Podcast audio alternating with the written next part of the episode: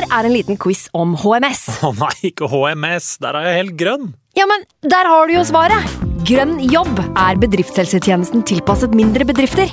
Våre HMS-eksperter hjelper mer enn 8000 bedrifter over hele Norge med alt fra lovpålagte HMS-krav til pålegg fra Arbeidstilsynet. Få på plass bedriftshelsetjeneste på grønnjobb.no.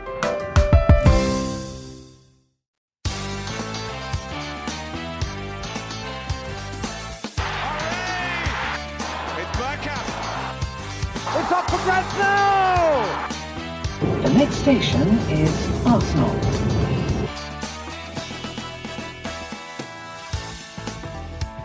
Hei, hei, og velkommen skal du være til episode to av Arsenal Station. Hele fire kamper er blitt historie siden sist vi var på lufta, og det som startet så forutsigbart og begredelig med to nederlag, ble faktisk til noe ganske ålreit etter to strake seire.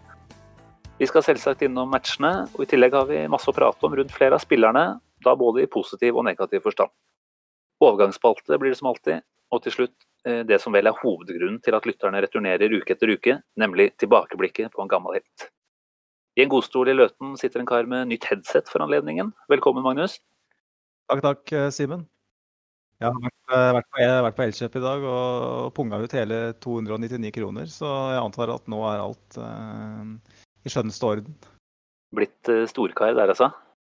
Vi lovte vel lytterne våre noe bedre lyd eh, i sist, sist, siste runde, så det er forhåpentligvis sånn at vi leverer denne gangen. Time vil show, men uh, ifølge en uh, erfaren ekspeditør på Elkjøp, så var det her uh, siste stikk, så da får vi tro på det. Siste stikk til 299. Det, jeg kjenner jo allerede at jeg er skeptisk, men eh, jeg krysser fingra, så kan dette gå bra, det. Viktig å være optimist. ja, nei, vi hadde jo, hadde jo fire matcher faktisk, siden vi, vi var eh, på lufta sist. Eh, Det starta jo, som jeg var inne på, relativt dårlig med, med tap eh, borte mot City. Der var vi jo ganske enige om at det var vel en, var vel en kamp vi nesten bare kunne avskrive. Men hva syns du, hvis vi bare skal se kort tilbake til, til den første kampen etter pausen? Hvordan, hvordan sto de stilt til forventningene? Som en eh, David Louis-skeptiker, eh, så var jo det en kamp som eh, ga de svara du kanskje forventa, dessverre. Men eh, det sto litt til forventninga, det gjorde det. Men eh, jeg syns jo ikke at vi hadde noen begredelig åpning på kampen. Vi var med, og vi hadde en del overgangsmuligheter som var veldig nesten. En Nketia som var veldig hissig på grøten, som var nære, nære på et par ganger å komme, komme gjennom. Eh, og så får vi en imot. Eh, OK, det, det er sånt som skjer mot et så godt lag som City. Men det som eh, Ja, vi kan jo selvfølgelig takke vår alles kjære David for det òg, men det som da skjer etter det, ødelegger jo hele matchen. Er, vi skjønner jo da, eh, når vi får én mann ut og et straffespark som blir ekspedert i kassa, at det her blir ingen triumferd. Nei, vi visste vel både om konsentrasjonsproblemene og tempoproblemene i forkant, og vi fikk bekrefta begge to. Eh, I løpet av hva var det, 20 minutter han klarte å prestere og ordne dette her på. Eh, så det var vel eh, det var vel som forventa. Det som ikke var forventa den kampen, der var jo lagoppstillinga, hvor det var et par jokere eh, som ikke vi var innpå når vi forventa lagoppstillingen i forkant. Så Arteta må jo ha sett eh, både det ene og det andre gjennom eh, de treningsukene de la bak seg, og stilte jo med ja, et, et litt overraskende mannskap. Det er ingen tvil om. Og Mm. det virker jo som om eh, om eh, Arteta ikke hadde noen eh, eh, form for eh, behov for å sette på de store, sterke, gode, gamle gutta som har erfaring, som har vært med på store matcher før. Eh, og bare gønne, gønne på med de som eh, har eh, prestert best på trening, og de som har jobba best i koronapausa. Og det er jo med tanke på at sesongen på mange måter eh, sannsynligvis eh, allerede er forsegla med tanke på vår skjebne, iallfall når Champions League. Jeg tipper at det, det, blir vanskelig. Og en kamp mot City i tillegg, så det er kanskje en, en fin anledning for å sende et signal eh, til Ja. enkelte spillere. Som, Jeg tenker jo, Han må jo, han har jo vært ute og advart i forkant eh, mange ganger nå om eh, hva han forventer av, eh, av spillerne sine, uavhengig av navn og posisjon. Så det er klart at han må jo sånn sett leve opp til, eh, leve opp til de orda med, med hva han gjør i uttaket. Og det, det må vi si at han virkelig gjorde. Jeg ble jo overraska over selv over at uh, Eddie fikk, fikk, starten foran Lacassette der. Men syns jo han gjorde en ganske fin figur, faktisk. I en så tøff bortekamp som det sitter. Så der er det helt klart at vi har en, vi har en mann for framtida der, altså. Det tror jeg. Det er klart hvorvidt han blir et førstevalg i Arsenal i overskuelig fremtid, det, det får vente og se. Men at han kan bidra iallfall denne sesongen og kanskje iallfall neste. Det er det ingen tvil om. og Da får vi se eh, om han er i stand til å levere de tallene og de prestasjonene som skal til da, for å faktisk eh, eh kunne erstatte både Lacassette og Aubameyang. Ikke, ikke alene, selvfølgelig, men også, det er jo slik at det er, vi har et par spillere som kanskje ikke er med oss om et års tid, eller bare et par måneders tid. Så mm. vi trenger målskårere. Og Elenhete er kanskje den mest åpenbare akkurat nå, som kan være med å ta opp arven. Så mm. Men ja. vi, vi var jo relativt nedbrutt etter City-kampen, men uh, rakrygga kanskje. Men så kom den store Neil Mopay-depresjonen uh, den lørdagen. og jeg, jeg, jeg, trodde, jeg, trodde, ikke jeg skulle være så langt nede etter en fotballkamp etter så, nære, så kort tid etter koronacomebacket, men det var det var brutalt. Altså. Det var skikkelig brutalt. Hva Arsenal gjør med en, det er, eh, det er jo ikke godt for hjertet og sjela, noe av det. Altså. Det, det var jo en prestasjon som var relativt uh, møkk, uh, egentlig, fra må jeg si, start til slutt. Det var vel kanskje perioder der hvor vi hadde, hadde en viss kontroll, men uh, i kjent Arsenal-stil så klarte vi jo ikke å skal vi si, sette spikeren i kista. Det var vel en PP-skåring fra ja, den var ganske fin òg, var det ikke det? Skrudd ned i, lengste der litt ut i andre omgang. og Det så jo sånn sett eh, lovende ut, men, eh, men vi klarte jo ikke å, å, avgjøre. Og fikk både en rotete redusering på corner, som vi selvfølgelig har sett mange ganger. Åh, jeg er så lei av det der. Og ja, så måtte det jo selvfølgelig gå som det måtte når du har den derre hva skal vi kalle den, rotta på topp, som først eh, presterer å skade Bernt Leno ganske stygt, egentlig. Det er jo en egen diskusjon, det han driver med der. Men uh, da, da, er det utgjort at det er han da, som selvfølgelig uh, ødelegger dagen på fire-fem minutter på overtid. Ja, det første jeg tenkte var uh, at det her er ekstremt forutsigbart. At det var han som skulle skåre det målet på overtid. Og um, det som skjer med eh, Bernt Leno der, det er jo en, en type episode vi har sett uh, flere ganger. Uh, som Arsenal-fans de siste åra. Vi husker jo Debussy. Vi husker mot, uh, mot, Stoke, var det vel hjemme. En kamp som jeg var, faktisk var på, satt mm. på, på var vel, Det var vel klokken, tror jeg. Eller var det nå? Jeg husker ikke. Jeg husker ikke. et par pils på puben i forkant, så, sånn er det. Men jeg husker at vi satt rett over der det skjedde. Mm. Og ser at ballen er ute av spill, og så kommer Arnautovic og bare skubber den over. og Det var jo på en måte det var jo slutten for Debussy det, i Arsenal. Det var jo da Bellerin virkelig kobla grep om den høyrebekkposisjonen. Og så hadde vi Alexis Sanchez, det var vel samme, lurer på om det var samme sesong, eh, mm. mot Norwich. hvor Jeg husker ikke, jeg husker ikke hvem det var, var men han ble dytta ned igjen disse murebufene som Kamera, Kamerabunkers. Stemmer, ja. ja. Og det verste er, det verste er at eh, i matchen mot Sheffield United i FA-cupen. Eh, som i nåværende stund Ja, det var vel i går, en dag siden. Så hadde vi jo en ny episode hvor uh, Kolasinac eh, skjerma en ball ut til sidelinja, hvor han Ollie McBurnley Ollie McBurney, ikke Burnley. Han kunne ha spilt for Burnley, hadde passa godt der for så vidt. Men uh, han uh, gir en skubb etter at ballen er ute av spill, uh, som gjør at uh, Kolasinac, som heldigvis er lagd av metall og betong, får en trøkk i armen der. Og det er, den, det er sånne ting, da.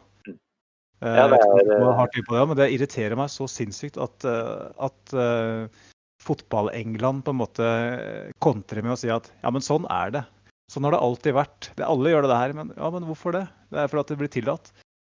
Ja, det har vært det eh, hele veien. Hvorfor, det har vært, er det ikke konsekvenser? Han fikk, ble det frispark eh, Ble det helt tatt frispark når eh, Mopay eh, tok Leno der? Jeg husker ikke. Ja, men det var det, det ble borti i alt virvaret rundt der, men eh, han fikk i hvert fall ikke det jævla frisparket som han eh, begynte å peke etter i det øyeblikket han toucha Leno. Da. Det er jo kun kynisme på skyhøyt nivå, det han holdt på med der. Eh, problemet mitt med dette her er jo, som du sier, det, det blir ikke det ble egentlig ikke vurdert engang til, til å være så farlig som det er. Altså, du ser jo i, i rugby, som også er en stor idrett i England, der, eh, der tror jeg faktisk du får rødt kort. Ja. Hvis du, det, er klart, det er et litt annet nivå på, på taklingsstyrken, kanskje, men, men jeg tror faktisk du får rødt kort hvis du helt åpenbart går inn eh, på en eh, spiller som har kontroll på ball, eller som, hvor det ikke er kamp om ball, da, og du går inn og får den ut av balanse når den er i lufta. Det tror jeg medfører utvisning på direkten. Eh, Så det er klart at eh, og Når du ser hvordan det da har gått med både Debussy tilbake i tid og, og Leno nå, da, selv om det heldigvis ser ut som det gikk bedre enn frykta. Han er vel tilbake til neste sesong, eh, ser det ut til. Men eh, der, der frykta vi jo et år ute, og det, det kunne det fort ha vært. Det er bare, bare flaks at det gikk såpass bra, bra som det gjorde. Og eh, før vi går videre, så må jeg bare si at uh, fotballen uh, på Balløya og de som styrer og bestemmer der, de har så ekstremt mye å, å, jobbe med når det gjelder sånne gamle forutinntatte uskrevne regler om hva som er lov og hva som ikke er lov. Og det er en av de viktigste tinga som bør ses på. Vi, vi så jo Granit Xhaka ble utvist mot eh, Swansea i 2017 var det vel, på Emirates eh, av John Moss. Når han takler en Swansea-spiller eh, på midten som Det var jo egentlig ikke noe åpenbar overgangsmulighet, eller noe som helst, men han, han, ta, han, han tar bare vann og tar ikke ball og får rødt kort. og Argumentet er at uh, ikke, ingen forsøk på å spille ball, altså no attempts to play the ball. Og det er Nei, jo litt det samme. Det er jo litt det samme altså når du går inn på den måten. Han, han, han går jo ikke etter ball, han går bare etter mann. Og hvis du skal følge det samme regelverket, så Og David Louis ble utvist mot, mot City. Eh, det var jo igjen det der argumentet om at han, han, tar bare mann, han, han går ikke for ball. Det Ja, nei, De møter seg jo selv i døra, og jeg tenker at de må virkelig ta en runde. Får håpe at uh, vår gode gamle venn Wenger fra litt uh, høyere hold enn uh, en FA-hold kan ta tak i dette her. Han har jo allerede titta litt på regelendringer eh, på andre eh, faser av spillet, så det er kanskje, kanskje noe vi må sette vår lit til at han kan komme og rydde opp i. Ja. Eh, tar gjerne imot litt eh, hjelp fra den, den godeste professoren. Mm.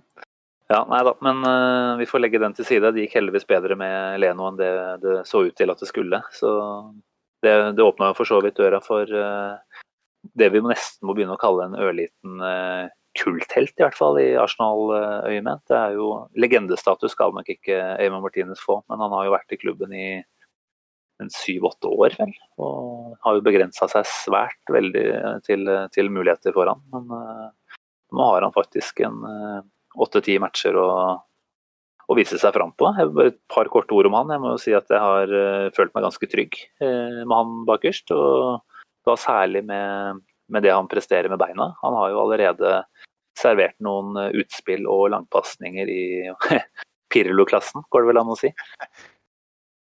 Ja, det er, det er ikke å ta i det.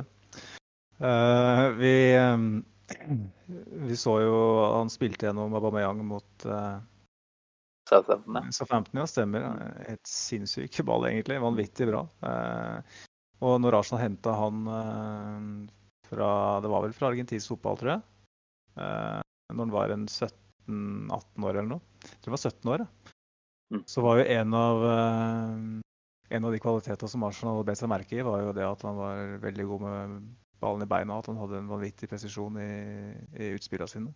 Eh, så det er jo artig at han endelig får sjansen til å vise det. For han har jo bare fått én kamp her og én kamp der, og gjerne i, i cupturneringer hvor vi ikke spiller, stiller med de beste spillere osv., så, videre, så er det litt vanskelig å kanskje vise det på, like, på samme måte. Ja, og så har han, jo ikke, han har jo ikke tidligere vist noe særlig prov til å ha altså, Ja, han har hatt gode bein, men altså, de armene hans har jo sett ut som eh, seigmann. Eh, det er jo virkelig noen slappe armer han har eh, kasta ut. og i forsøk på å stoppe, stoppe, avslutninger tidligere som har gått inn. Eh, han har jo bifa seg opp noe ekstremt og fyller jo den drakta bedre enn de fleste nå. Så han, jo, mm. han gjorde også noen gode redninger på ganske kloss hold. Eh, ja, egentlig i alle kantene han har vært involvert i. Så, så akkurat han er en uh, liten joker. Altså, det er klart det er jo et, et bonusspor at han er en, rukket å bli en skikkelig Arsenal-gutt. Og, og, få inn litt litt sånne typer. Ikke at Leno er noe, ikke noe negativt om han, altså, men, eh, men, at eh, Martinez har en, et litt annet forhold til klubben, det, det, det, tar jeg ikke negativt imot. Han er vel rett og slett et akademiprodukt, sånn per definisjon? Ja, vi kan vel, kan vel eh, Han har, ja, han har jo tilbrakt tre, år, tre år i klubben i forkant av sin 21. bursdag, som vel er definisjonen Gutten har spilt FM, så du har full kontroll på det her. Jeg har spilt litt for mye FM i koronapausa, så det, det er både godt og litt abstinensfremkallende å legge det bort. Men uh, Ebi Martinez det er, ingen, det er ingen annen reservekeeper jeg vil ha hvis han kan prestere. For det, og det å ha som du sier, en link til klubben over lengre tid, det er gjerne noe vi, vi tar imot. Fordi Helt klart. Yes. Ja, nei, eh, nå har vi vært gjennom de to kjipe resultatene. Vi snudde det heldigvis, og det var, det var viktig. Altså, for det, er klart å skulle gå, gå, i gang med tre Premier League-tap på rappen. Ok, det er bortekamper, men allikevel. Det hadde vært eh, veldig tungt. Så det ble reising av kjerring eh, borte mot Southampton. Ikke noe fantastisk eh, gjennomført 90 minutter, det heller, men eh, allikevel nok. Hadde, hadde, du trua før, før, matchen? Altså, jeg hadde ikke, ikke trua. Jeg så at Arsenal for en sjelden gang faktisk ikke var odds-favoritt der. Altså, det var vel uh, Southampton som lå med litt lavere odds, uh, odds uh, i forkant. Det, det, sier det aller meste om borteformen til Arsenal siste året. Ja, når, når de møter det dårligste hjemmelaget i Premier League og ikke odds-favoritt. ja, nei, det var vel det som redda oss, at det var et, et dårlig hjemmelag, som du sier. Det er vel et Southampton som har tatt 14 av poengene sine på hjemmebane mot 26 borte, tror jeg der. Så, helt, helt, så jeg, hadde, jeg, hadde, en slags forventning om at det der kom til å Igjen, når, når Arsenal uh, har lite å spille for, så kommer det ofte et OK resultat. Og på det tidspunktet der så tenkte jeg at den både Champions League-plassen og Europaligaplassen kan vi bare glemme. Så da, og da tenker jeg at da var spillerne litt på bølgelengde der. Og litt lavere skuldre. Eh, igjen, ikke noen kjempeprestasjon å snakke om, men eh, de gjorde en, en, solid jobb. Det vil jeg faktisk si at de gjorde.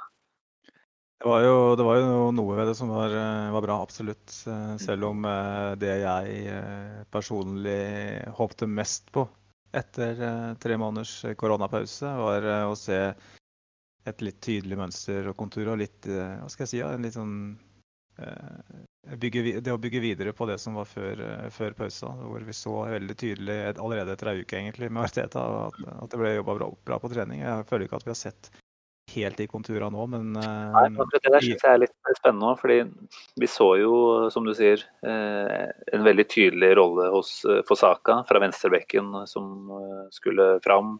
Chaka som skulle ned og og ta en slags venstreback-rolle uh, når vi hadde ball. og Det var liksom et veldig tydelig mønster som gjentok seg kamp etter kamp etter kamp. Så snakka vi om det her i forkant av forrige podkast, at nå har han fått en slags Resett-knapp. Jeg trodde i hvert fall at han ville teste ut de spillerne han på sikt tenker skal være i den og den posisjonen. Så For meg så var det ganske åpenbart han måtte, at han måtte prøve å få inn Tini f.eks. på venstrebekken. Og da da må du jo flytte saka videre. Og så har du fått en del skader. Så jeg tror at uh, han har utvikla en del gode planer og ideer uh, gjennom denne pausen her. Og så tror jeg ikke vi kan uh, komme unna at skader faktisk har, har gjort sitt. han mista både Chaka og Pablo Mari i første kamp. der har du kanskje de to, i hvert fall to av de beste pasningsspillerne i, i, laget. Da, da, får du ikke gjennomført de planene du har tenkt, altså. Så ja, jeg er for så vidt skuffa, det er jeg, men eh, jeg klarer å se at det er grunner til at ikke vi har eh, vært så, så tydelige i, i, spillet eh, som vi kanskje kunne håpa på. Ja, altså, Fru Fortuna har jo på ingen måte vært sjenerøs med, med Ariteta uh, i, i den perioden her. Og hatt ekstrem uflaks, faktisk. Jeg vil kalle det ekstrem uflaks. Selv i Arsenal-standard. Ja, det er, det er jo helt idiotisk at, at det allerede 20 minutter eh, Nei, var det så mye? Var det, jeg husker ikke om det var i hvert fall innafor første halvdel av første omgang, hvor vi mister hele den derre skal jeg si, av denne strukturen på venstre side av laget. Og mister både Marie og, og Louise. Og, og, så får du den skaden på Leno ikke sant, i matchen, matchen etter. Eh, da får du Martinelli-skade på trening, og det er sånn derre ja da, eh, lockdown, lockdown virker nesten for lokkende. det, er jo, det er liksom ikke måte på, så får vi den derre Bare for å liksom eh, helle et trillebårlass med salt i et åpent, gapende sår, så får vi den Mopay-skåringa mot Brighton. ikke sant? Jeg tenker at det er ikke meninga. Eh, men etter det så, så har vi jo tross alt, som du sier, vist litt tendenser. Og jeg syns jo hvis vi går litt videre, så syns jeg jo at førsteomgangen mot uh, Sheffield United i, i går var um, Altså på søndag var, var, kanskje det mest oppløftende så langt. Til tross for litt uh, kaos uh, på faste situasjoner, så syns jeg jo at her, her, ser vi noe. Nå, nå, her får vi i gang PP ikke sant, på høyresida, og du har en venstreside som, venstre som fremdeles ser ganske bra ut. Du ser faktisk et mønster. Så jeg håper jo at det er et Eh, et forvarsel på, på noe, noe, bra. Eh, ja. Nei, du sier jo venstresida. Jeg tror vi må ha først og fremst uh, fokus på den. Altså, for det, der er det en uh, skotsk 22-åring er det vel, som uh, jeg allerede begynner å bli veldig glad i. Kieran Tierney, altså. Det er både type og spillertype. noe jeg kjenner at jeg har tatt veldig, veldig til meg veldig raskt. Altså, han kom inn eh, og han introduserte meg for eh, Jerry Cinnamon, en skotsk musiker. allerede der så tenkte jeg at dette er, dette er bra mann. Han har god, god musikksmak og liker han her. Her har vi en klass, klassisk kriterier for å bli en legende. Ta med meg det også. Men, men først og fremst fotballspilleren Kieran Tierney. Både kvaliteten han innehar, men også den den innstillinga han viser på banen. da. Nå har det jo gått et, eh, et, bilde, har vel gått sin seiersgang nå de siste, siste par dagene etter eh, Sheffield United-kampen, hvor han hyler på dommeren etter en eh, takling som han mente ikke skulle vært frispark. Dette er vel rett og slett det vi trenger, en sånn type. Helt klart. En, en, en personlighet, nesten først og fremst. Fremragende fotballspiller, ja, men her har vi litt av det som Dennis Bergkamp snakker så mye om. Eh, når han eh, beskriver sitt, eh, sin introduksjon med engelsk fotball. At han trengte Lee Dixon, Tony Adams, sånne typer som liksom Hva skal jeg si? Var selve essensen i engelsk fotball. Da. Som jeg vil ikke si går inn med, med, to, med, med to, føtter med strake, to strake bein og sånn. Det er ikke den delen av det, men det er den der fandenivoldskheten og mm. bare for, å, bare for, å, nevne det. Eh, en fyr som uh, i stedet for Gucci og Prada kommer inn med, med Tesco-pose uh, med sine toalettsaker. Og bare for, å, bare for, å, nevne det, da, for de som eventuelt ikke er kjent med det, så Tesco er jo en, en av de største dagligvarekjedene i England. Eh, når jeg bodde i England sjøl, så handla jeg på Tesco nesten daglig. Så helt fantastisk å se Tierney komme gående der med en Tesco-pose. Det er jo nesten det er jo det skulle, jo, altså, det skulle jo tro at, liksom var, at, han prøvde å sende en, en, en, eh, en melding eller en beskjed til, eh, om hvem han er, men jeg, jeg, jeg, tror, jeg, tror, ikke det er planlagt heller. Jeg tror ikke han er typen som planlegger sånt. Han bare Nei, jeg hadde en Tesco-pose liggende, så jeg bare stappa, stappa sjampoen og greiene der. Så det holder for meg. Ja. Nei, det er en mann i gata-type det her, altså. Og en som det tror jeg det er veldig lett å, å like for uh, for alle Arsenal-fans etter hvert. Eh, nå har han vel ikke fått eh, mange mulighetene. Hatt eh, skadetrøbbel han òg allerede i sin korte Arsenal-karriere. Men håper han får noen, noen, kamper på rad her nå, altså, så skal vi klare å, å se at den venstresida blir knallgod etter hvert, tror jeg. Vi kan jo si litt mer om, om Tierney, kanskje som fotballspiller òg. Nå har vi snakka mye om uh, toalettsaker og, og musikksmak og sånn. Hvis du ser på fotballspilleren, sett bort fra hva skal jeg si, den attituden og sånn han viser, så, så, er det en spiller med, med, som leser spillet godt, uh, syns jeg ser ut som. Han har relativt høy fart. Han uh, timer løpet sin offensivt veldig godt uh, når, han, når, han, kommer fremover. Og han har nesten laserpresisjon på, på innleggene sine. Noe vi har savna noe vanvittig fra back-posisjon. Eh, Jeg føler ikke at vi har hatt en, en virkelig god eh, en, virkelig, en back med virkelig gode innlegg på veldig lenge. Eh, Det er mulig at det Cole er vel nesten eh, dit jeg må tilbake. eh, For å kjenne at det, det var noe som eh, ble prikka eh, gang etter gang. Vi hadde jo André Santos, da, men eh, han, ikke, han, hadde ikke så mange andre kvaliteter.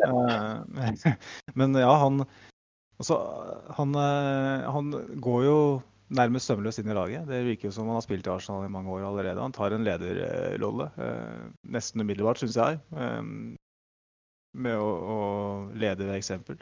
Jeg syns Altså, hun snakker om framtidige kapteiner, så så, så det er en sånn type som du ønsker, da. Jeg føler at, eh, at vi har mangla veldig, veldig sånne typer i, Ja. mange år. Eh, vi hadde jo, på, på et tidspunkt så hadde vi jo flere sånne, men uh, nå så er det sånn at uh, den til enhver tid som er den beste fotballspilleren, får kapteinspinnet. Det handler ikke om Det er den som er nærmest eksidøra. Ja, det er jo dessverre et faktum, da. Men jeg føler at Tierney gir oss noe vi har mangla veldig lenge, og bør kanskje legge føringer for hvordan vi tenker uh, rekruttering de neste åra. Vi må få inn flere, flere som han, for det er nesten sånn at han er den ene spilleren som du tenker at definitivt er inne. nå. Hvis du skal sette opp en elver tre-fire år frem i tid, så er nesten Tierney det første navnet på blokka. For han har på en måte alt det vi, er, vi leter etter. Kanskje bortsett fra evnen til å holde seg skadefri. Da. Det gjenstår å se om han klarer det. Ja, nei, det var det jeg skulle si òg. At uh, holder han seg skadefri, så tror jeg vi har, uh, har en venstreback på, på lang sikt der, altså. Og jeg tror nok han har, eh, har vist ganske gode god evner til å eh, tilpasse seg litt ulike vingtyper han har foran seg også, eh, om det er en innoverkant eller utoverkant. Så ja, han virker som en gjennomgående god fotballspiller. Og, og han har god musikksmak, tydeligvis. Så da, da er det bare å satse alle pengene sine på at han blir, han blir en nasjonal legende å regne med etter hvert.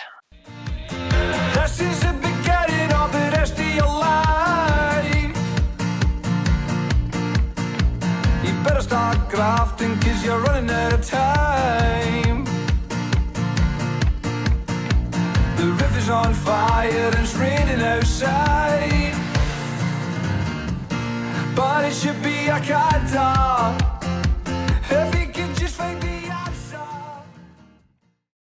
Jeg, jeg tenker jo, når vi snakker om uh, Vi skal kanskje gjøre oss ferdig med Kieran der. Han uh, er en flott fyr, men uh, vi må videre i podkasten. Hvis du syns det er greit, eller hadde du noe mer å legge til?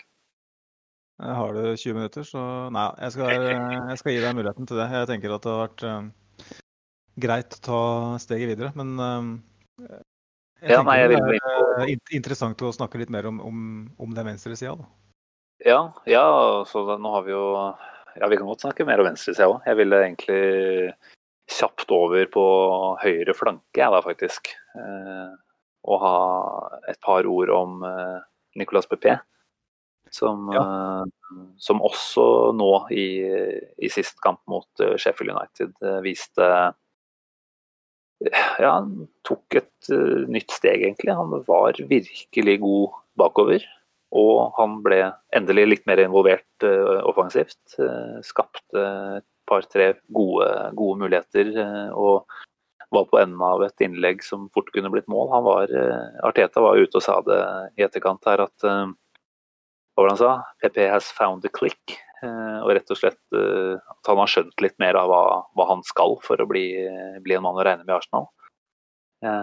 Synes jo han har Det er jo helt åpenbart at han har tekniske kvaliteter og fysiske forutsetninger for å bli, bli knallgod. Så har det jo sett ut til at han har et litt lemfeldig forhold til, eh, til det kollektive bidraget kanskje en stund, men nå virker det som om han har eh, tatt dette på alvor, og Arteta kan synes å, å ha litt mer tillit til å bruke han. Da. Det er jo en, eh, en bortekamp som følger mot Sheffield United som vi forventer å ha en del ball i og sånt, men, men det er ikke en kamp det er gitt at han skulle, skulle skinne i. Og det må jeg si at jeg syns han nesten gjorde, så han var veldig god. Ja, nå har vi vært veldig venstreorientert eh, i måten vi har spilt på under Ariteta. Og, og PP har jo havna helt ute på, på krittet. Mm. På høyresida i en rolle som ikke passer han. Litt isolert, hvor han gjerne får ballen feilvendt og skal liksom finne på noe på egen hånd. Eh, mens eh, den shapen vi hadde mot Sheffield United, hvor uh, Maitland Niles kommer opp eh, i, i midtbaneleddet og skaper litt rom da, for PP ute på sida. Eh, tillegg hvor Sheffield United forsvarer seg ganske smalt. Og, og PP får muligheten til å gå innover, så du ser det hva han kan. Det, det handler om at hvordan var det? Mot uh, Southampton så hadde Bellerin to pasninger til PP i løpet av hele matchen. Ja, og da, da kan vi jo også begynne å snakke litt om at ikke det bare er han, han som er problemet, eh, men måten eh, de rundt han eh, evner, å, evner å finne han. Og Bellerin har jo Ja, det, handler ikke bare, det handler ikke bare om, eh, om Bellerin, det handler jo om måten laget er satt opp på. og, eh, For å, hva skal jeg si, ja, Det handler jo litt om å få, å få den venstresida i gang, med, hvor du kanskje har de beste spillerne. ikke sant? Du har Aubameyang som eh, er han er, vel, han er vel den beste spilleren vi har. ikke sant? Og Det er viktig å få, få han å spille han god. Og da, da, da gjør det visse ofre for å få for å få det til å skje. Og jeg føler at PP har vært en av de som har vært ofra sånn sett. Og nå var ikke Aubameyang på banen mot uh, Sheffield United. Uh, jeg vet ikke om hvor, hvor tungtveiende den årsaken er, men eh, det var jo nesten som om PP da tok det ansvaret uh, Mm. og, og, og var ledestjernen. Og det er ekstremt viktig at han, at han tar det ansvaret òg.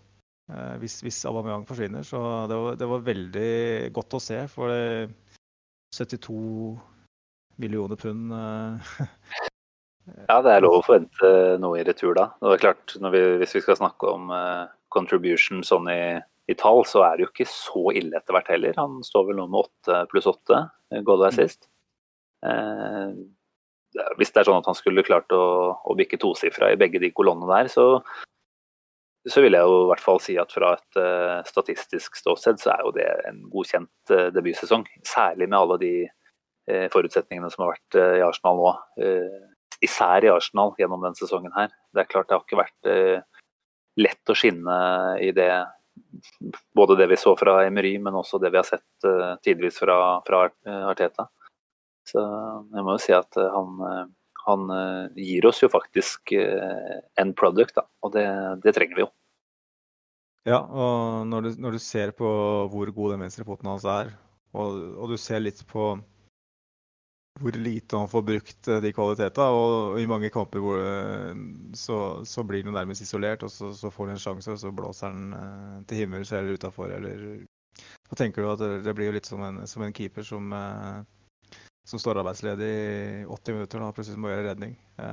Hvis, hvis du spiller fyren varm, hvis du får han involvert og som en, en viktig del i setupet, så er jeg ganske sikker på at han vil eh, på det òg. Så får gjenstår det å se om han passer liksom inn i den type fotball Arteta ønsker å spille, da, som er veldig sånn eh, possession-orientert. Eh, jeg, jeg er jo litt redd for at PP eh, kanskje passer bedre i et, et lag som eh, som baserer seg mer på spill i egen retning. Men vi, vi får se. Det er veldig positivt å se den matchen mot Sheffield United. Og etter at han ble benka mot eh, City i første match, og kritikere fikk vann på mølla, så har han jo, har han jo spilt seg opp. Han hadde jo det målet mot Brighton i tillegg som var Det var altså teknisk briljant. Og var man of the match eh, kanskje i går så, mot Sheffield United. Så da vi får håpe at vi ser mot Norwich nå eh, på onsdag at vi får eh, to matcher på rad kanskje, hvor han virkelig er god. Det hadde vært det Ja, det er jo en kamp det skal være muligheter for, eh, for å vise seg fram offensivt. Ja. Eh, Så vi får håpe at han, eh, han er på banen, først og fremst. Det er klart det er ikke noe godt å, godt å si om du får, eh, får to kamper med tre dagers mellomrom, eller om du da rullerer litt mer. Det, det gjenstår å se.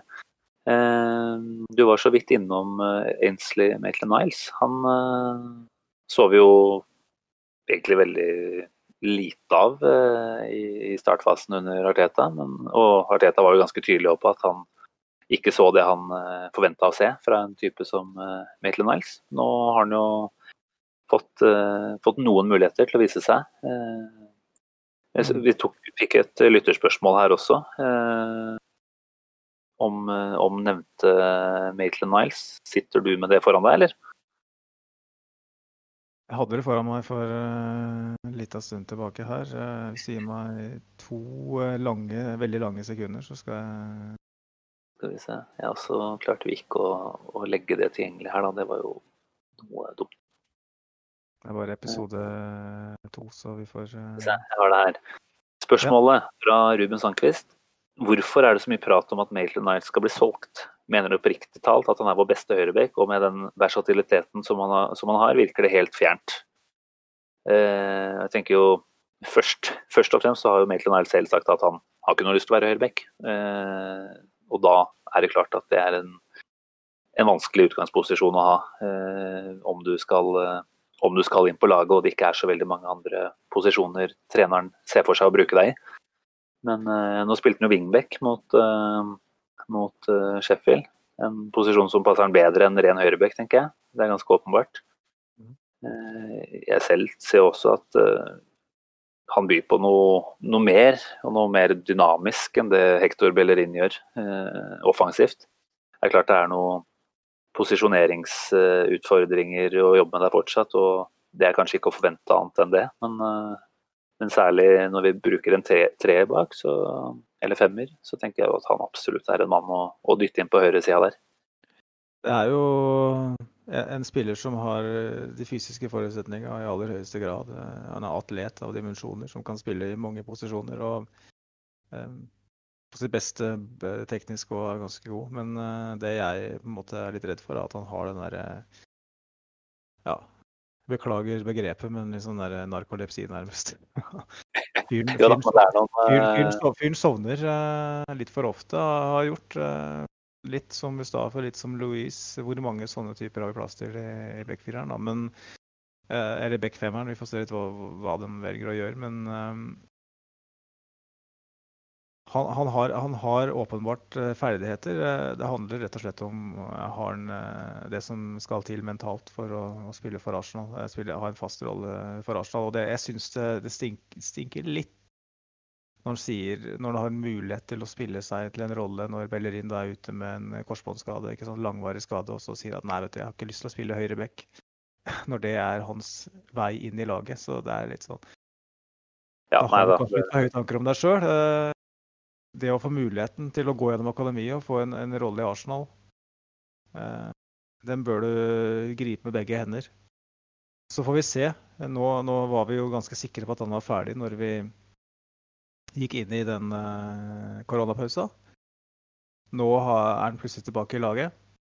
Eh, han har spilt både på midten og han har spilt på bekken. Eh, kan han være en type som eh, skal jeg si, ja, blir litt sånn som Oxlade Chamberlain var. At han, han spiller litt flere posisjoner og er en nyttig stallspiller. Er han villig, er han villig til det? Eh, og på sikt, hvis han finner det for godt, eh, kan han bli en, eh, bli en høyreback. Du ser jo Vi skal jo litt innom det her i overgangsspalten, men når du gir fireårskontrakt til Cedric Suárez, så tyder det jo på at klubben ikke vurderer det veldig. Nei, jeg tenker jo han, han har jo lagt opp til det selv. Eh, Så så frem til ikke han plutselig nå skulle gå tilbake på, på den meningen der, så, så er det nok ikke høyreback-posisjon som er hans, eh, hans eh, plass videre i Arsenal. og da, da er det tett kamp om de midtbaneplassene. og da, er det godt mulig at han ser for seg å ta et lite skritt ned, i den grad man kan kalle at Arsenal er så, er så mye, mye høyere opp enn en del andre.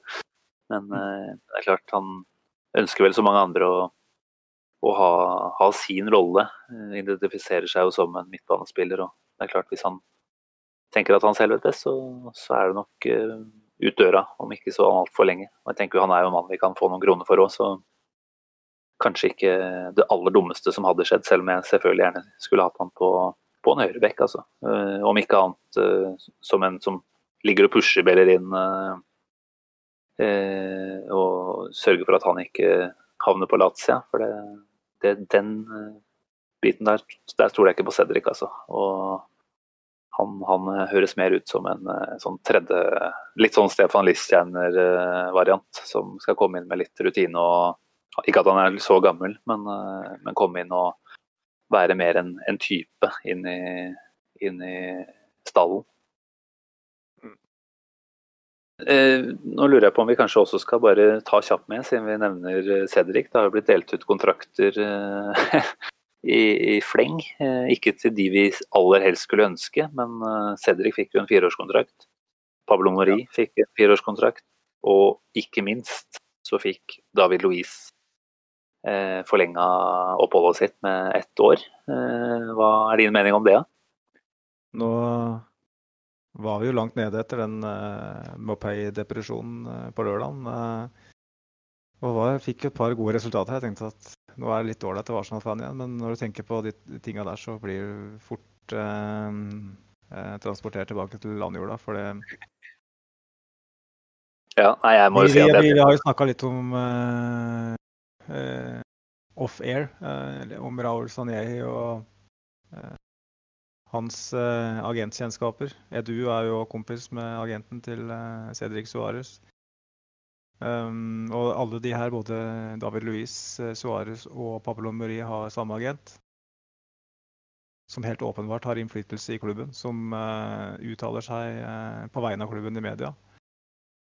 så rotete som det det, Han har sittet i, i direktørboksen med Raúl og Edu, og presterte jo da i etterkant av var det City eller Brighton-kampen å si at eh, strukturen i Arsenal eh, var det noe galt med.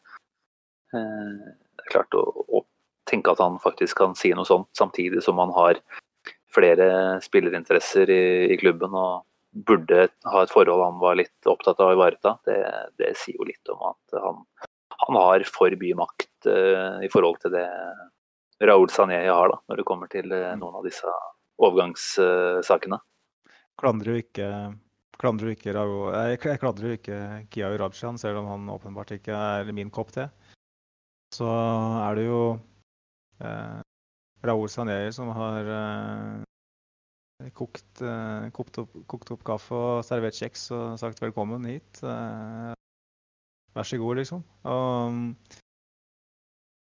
når du får de sitatene fra Det var en artikkel fra, i The Independent denne uka her eh, hvor, som siterer Sven Mislintat, eh, som helt sikkert er bitter. Og det er helt sikkert grunn til å ta med klype salt, men han sier at Arsenal er dysfunksjonelt og vanstyrt, ikke sant.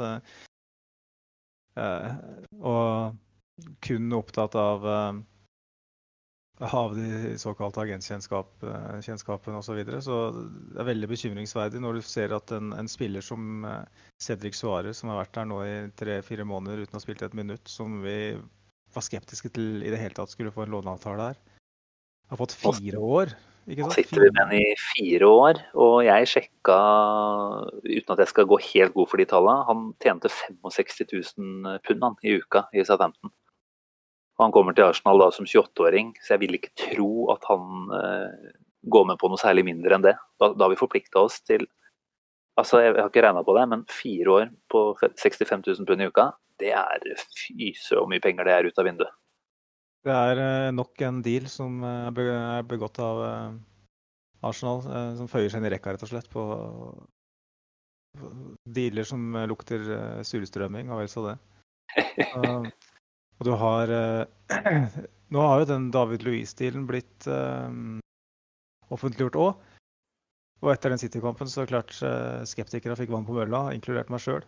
Men det er jo selvfølgelig viktig å huske på at under realiteten så har det ikke, har det ikke vært krise. Han har jo vært ganske bra i de fleste kamper. Men Ja.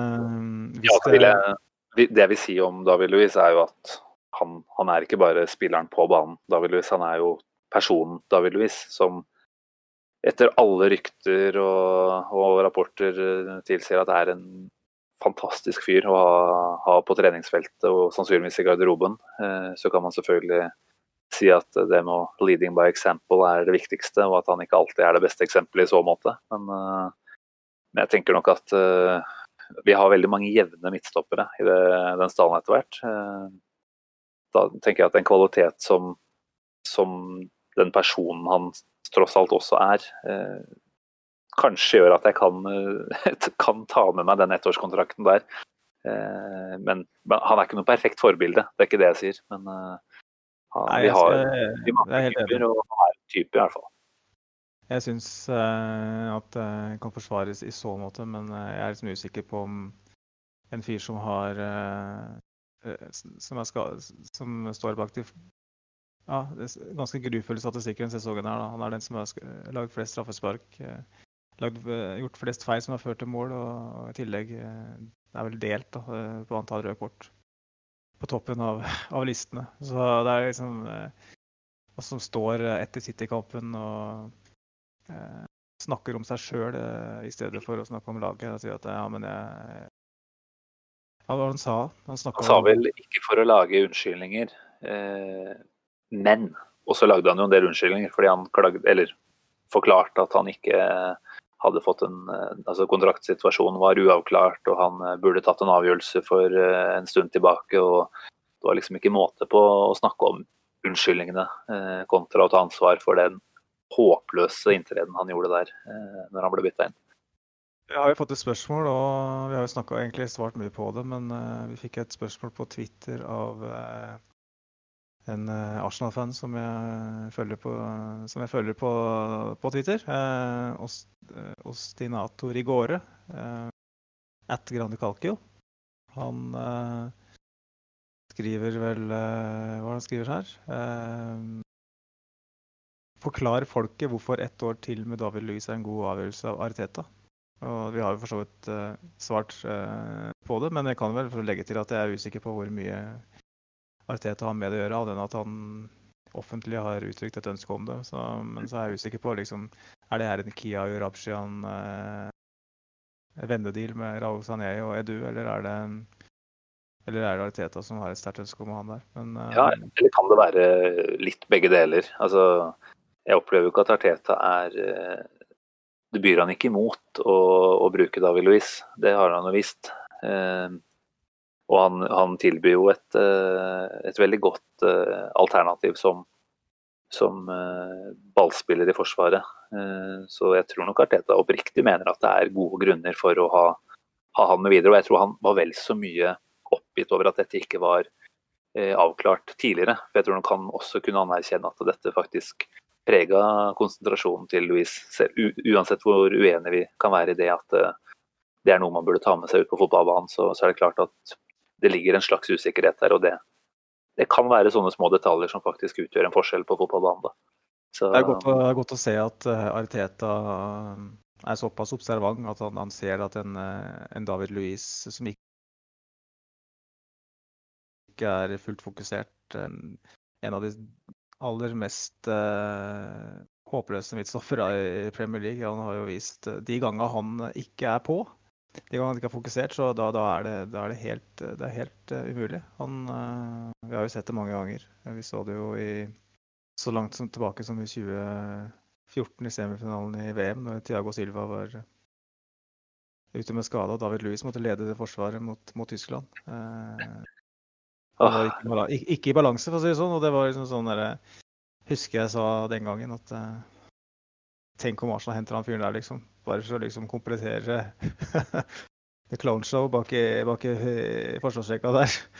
Ja, nei, det var, det var for så vidt et par argumenter for at det var en, en OK deal å gjøre i fjor, eh, i fjor sommer. Eh, når vi akkurat hadde mista en, eh, en type som Korselny, så var det noe med å få inn noe mer rutine bak der, selv om Sokratis også står for litt av det. Så, så jeg kan forstå det, men eh, det er klart når du ser den, eh, den stopperstallen vi innehar per i dag, så, så er jo ikke han Han skiller seg ikke ut eh, i noe særlig grad eh, positivt, annet enn på nettopp dette med typen han er. Så han er jo ikke noen framtidens mann, det er det ikke noe tvil om. Og da fører det meg bare litt kort over på Rob Holding, som jeg også har lyst til å nevne som eh, jeg ble positivt overraska over eh, hvor solid han framsto i, i bortekamp mot Southampton.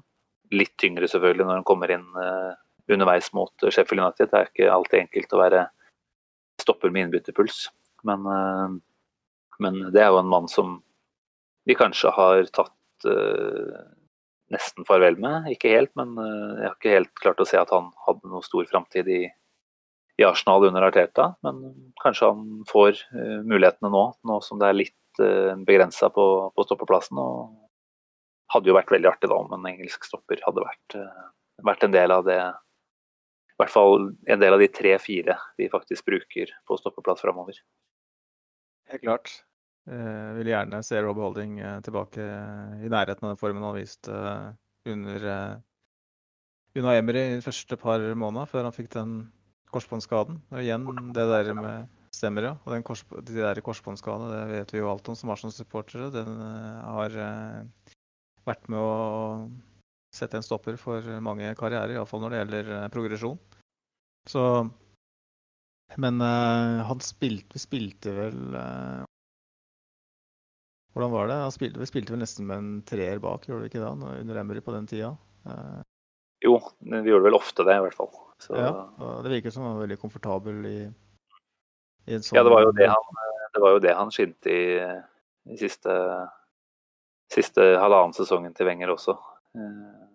Hvor den selvfølgelig FA Cup-finalen mot, mot Chelsea er den som står ut som en av de bedre prestasjonene hans. Men han var jo, hele den sesongen var han jo ganske var han vel ganske god, eller blander jeg litt nå? Var det sesongen før han kanskje virkelig viste seg fram? Nei, det var nok den sesongen som, som kulminerte med den FA Cup-triumfen. Eh, hvor det var eh, snakk om Holdini. Eh, hvor Wenger eh, beklagde seg offentlig på pressekonferanse om at den ikke kosta 50 millioner pund, som John Stones gjorde. Eh, og det hadde jo vært eh, Nå vet vi jo at John Stones sliter, så det hadde vært morsomt om Holding hadde tatt plassen hans på landslaget etter hvert. ja, vi skal ikke foregripe begivenhetene veldig her. Han har spilt én solid match på, på, på, mange måneder nå, så, så vi får gi han, gi han, litt mer tid før vi legger det presset på han. Hva tror du sjøl, da? Tror du han eh, Det er kanskje vanskelig å si, men tror du han har en framtid ja, med tanke på at uh, det er klart Pablo Mari uh, er skada nå i en tre måneders tid, så kan vi jo ikke beregne å ha med han fra starten av neste sesong. Da sitter vi igjen med Mustafi, som er fortsatt Jeg vet ikke hva som skjer med ny kontrakt der. Han har jo ett år ekstra, men, men han har jo funka relativt bra under Arteta. Og vi har en, vi har en spillerstall som begynner å bikke 30 på en del posisjoner. Da vi skal ikke være med oss mer enn neste sesong. Eh, jeg ser veldig gjerne at Rob Holding eh, får ha en, eh, i hvert fall en squad-rolle neste år. og Så får vi jo se om han er god nok til å spille seg til noe mer enn det. Men jeg syns det er litt for tidlig å kvitte seg med han. Og jeg tror ikke han er en av de som sitter på, på den verste lønningsposen heller. Så det er absolutt andre jeg helst skulle kvitta meg med før. Ja, jeg er helt enig i det, altså. Uh, Sjøl om jeg nok er litt usikker på om, uh, om har det som skal til for å bli en, en, et førstevalg, så er det ikke noe i veien med å være et, et alternativ i stallen heller. Men vi trenger jo dem òg. Klart. Ja. Du, jeg lurer på om vi må videre? Yes. Hva tenker du? Nei, Skulle vi kjøre i gang en liten overgangsspalte?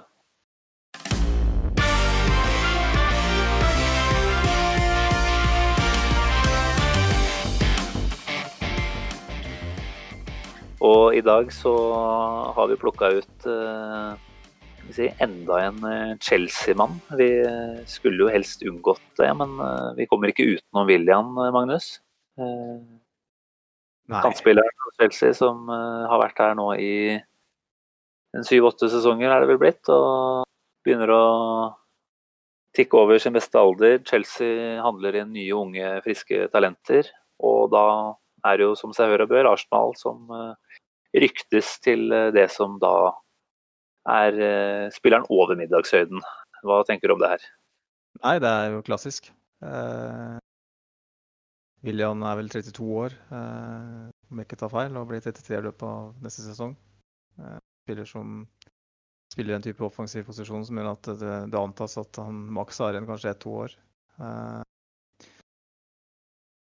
og han er jo en annen klient av Kia Rapshian. Jeg føler at vi kan snakke om han i hele kveld eh, uten eh, problemer.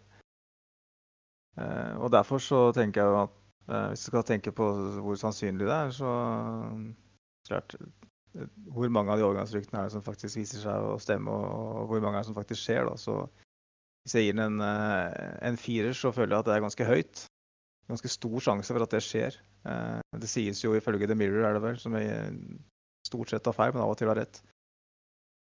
Sier jo ja. at det lå en avtale der eh, klar for William eh, før koronapandemien, som ville, eh, ville gjort den til Arsenal-spiller for 250 000 pund i uka. Eh. Helt sinnssykt, ikke sant. Eh, Men pga. Av, av pandemien så, så har den trøkket tilbake.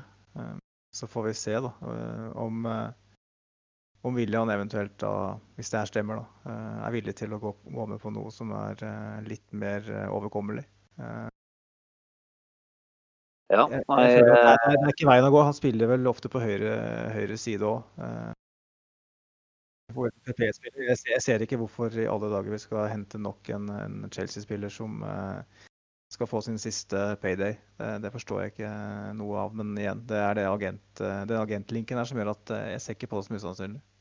Nei, vi har jo allerede fått noen uh, eksempler på at det er, det er så enkelt som at har du kontaktboka til, eh, til eh, visse agenter, så, så er du dessverre utsatt for eh, diverse vrakgods eh, som vi helst skulle unngått. Eh, ser jo at han er 31, eh, bikker 32 i august. Ok, Da må jeg er- moderere meg der, da. Ja, så du skal få trekke fra et lite der, men det er klart det er en kantspiller som har Han er avhengig av eksplosivitet, og han er avhengig av ja, altså, Fotballsmart blir blir nok ikke noe dårligere, men, men der igjen, altså, Så jeg tenker vi har, eh, vi har eh, andre spillere på den høyrekanten som jeg virkelig ønsker at vi satser på, hvis han skal komme inn her nå og i verste fall eh, dytte ut en Reece Nelson, da, som ikke har fått så mye spilletid de siste matchene som jeg hadde håpa på, kanskje, under Arteta nå. Så nei, det jeg håper vi holder oss langt unna. Jeg frykter som deg at, at sjansen er større enn vi skulle ønske. Men, Hva setter eh, du for uh... Nei, hvis jeg må En skal igjen da være den mest positive av oss, så, så velger jeg å sette en treer, tre av ti på denne her. Da håper jeg du har rett, ass. Har, jeg Virkelig. har sjelden hatt det til nå, så dette er en first. Eh, vi må videre til neste mann på ryktebørsen. Eh, tenker at eh, Hvis vi tar ferdig potensielle innkomster først, da. Eh, Dominik Soboslai eh, spiller jo for Red Bull Salzburg i, Østerrike. En midtbane, offensiv midtbanespiller som har vel ikke rukket å bli mer enn 19 år. Ser jo ut som en million der nede. Vanskelig å si om han er like, like god i en liga som Premier League, men det har vært noe, en del prat eh, rundt han i det siste. Skal visstnok ha en, eh, en klausul om at han kan eh, forlate Salzburg for 23 millioner pund, er det snakk om. Arsenal er blant klubbene som har blitt nevnt typisk nå. Eh, høres jo på mange måter ut som en kjempespennende spiller. Eh, kanskje en som gir meg noen Aaron Ramsey-assosiasjoner, til og med. Og bare det skulle jo si at eh, dette er noe vi burde gå for. Eh, har, har du gjort opp noen meninger om eller? Jeg kan jo ikke skryte på at jeg har sett altfor mye han, men eh, det jeg leser og det jeg hører, er jo veldig positivt. Han er i den rette alderen, han er spiller i en posisjon hvor vi trenger forsterkninger. Han er tilgjengelig angivelig for en, eh, en prislapp som spesielt eh, europeisk toppfotball må stilles på som billigsalg, med tanke på hva du kan få. Så veldig gjerne, altså, men eh, jeg har vel Ja. til gode å se noen veldig pålitelige kilder på, på at Arsenal er noe, i noen avanserte samtaler der. Det er vel Milan som, som virker å være nærmest. Ja, ikke, ikke, ikke det, er ikke, en avskrekkende, det er ikke en avskrekkende duellant eh, i så måte, det. Også, for de er vel ikke noe Champions League-fotball eller noe sånt, dem heller. Men som du sier, du var inne på Ivan Gazidis. Det er vel det du prøver å ymte frempå her med. og for å si at han kommer til å hjemsøke oss enda en gang og sørge for eh, at framtidsutsiktene ser verre ut enn de burde. Savner jo Eh. nesten eh, Ivan Gazidis i disse dager, da, bare for å si det. Jo, det er faktisk et poeng. Vi visste ikke hvor godt vi hadde det. Eh, Ja, nei, altså Apropos Soboslai, så har han vel også blitt uh, rykta til PSG, tror jeg det er. Uten at jeg kjenner til uh, påliteligheten i, de- i de ryktene der. Men jeg jeg tenker det er en spiller som, som det hadde vært spennende å se. For en sånn prislapp, selv om vi selvfølgelig ikke har altfor mye rutte med i disse dager, så tenker jeg at det hadde vært, det hadde vært noe å, å satse på. Eh, det har jo vært snakk om nå i det siste at eh, det er Borussia Dortmund som skal være vår eh, inspirasjon i, i måten å drive på. Vi har jo opp gjennom året hatt andre inspirasjonskilder. Bayern München famøst tilbake i tid. Og Leicester ble jo selvfølgelig brukt som en inspirasjonskilde året etter at de vant ligaen. Nå er det Borussia Dortmund som vi skal strekke oss etter. og det er klart, I så måte så faller han inn under den kategorien ung spiller med videresalgspotensial og utviklingspotensial. Som, som profilmessig så tenker jeg at han godt kunne passa inn, inn, i klubben. Og han ser ut som en Igjen, jeg har sett, sett både noen kamper med i den tida Haaland var der nede, og, og noen Champions League-kamper. Og han ser jo absolutt ut som en, en fin spiller, han altså. Så det er en jeg tror Arteta kunne hatt mye gøy med på treningsfelt og utvikla videre. Hva blir eh, karakteren her? Jeg pleier å ta litt i, da. Eh, kanskje jeg ikke skal ta altfor hardt i her og legge meg på en fem av ti. Det syns du var optimistisk. Jeg hører det allerede. Ekstremt optimistisk. Det er eh, Jeg vet ikke hva du har i glasset, men eh, Juicy IPA. Det blir også juicy eh, karaktersetting. Ja, ja. Nei, men da må jeg nok jeg ta jobben med å få det tilbake på landjorda. Ja. Eh, og jeg klarer ikke helt å se hvordan vi skal selge inn at vi er etter Dortmund når vi gjør sånne type dealer som Cedric Suárez fireårsavtale osv. Så, videre. så jeg, jeg tenker mer enn Jeg ser ikke på det som helt umulig. Så han får ikke en ener, liksom. Eller en nuller, hvis, det er noe, hvis den karakteren eksisterer. Men han får en toer av meg. Jeg tenker vi, vi legger opp til å bruke hele, hele skalaen her. Så vi må jo, vi må jo skille noe. Ok, da var det kanskje litt for optimistisk, men eh, ja, jeg, jeg, jeg, mitt endelige svar er to. Ja, OK. Ja, men det gjør jeg.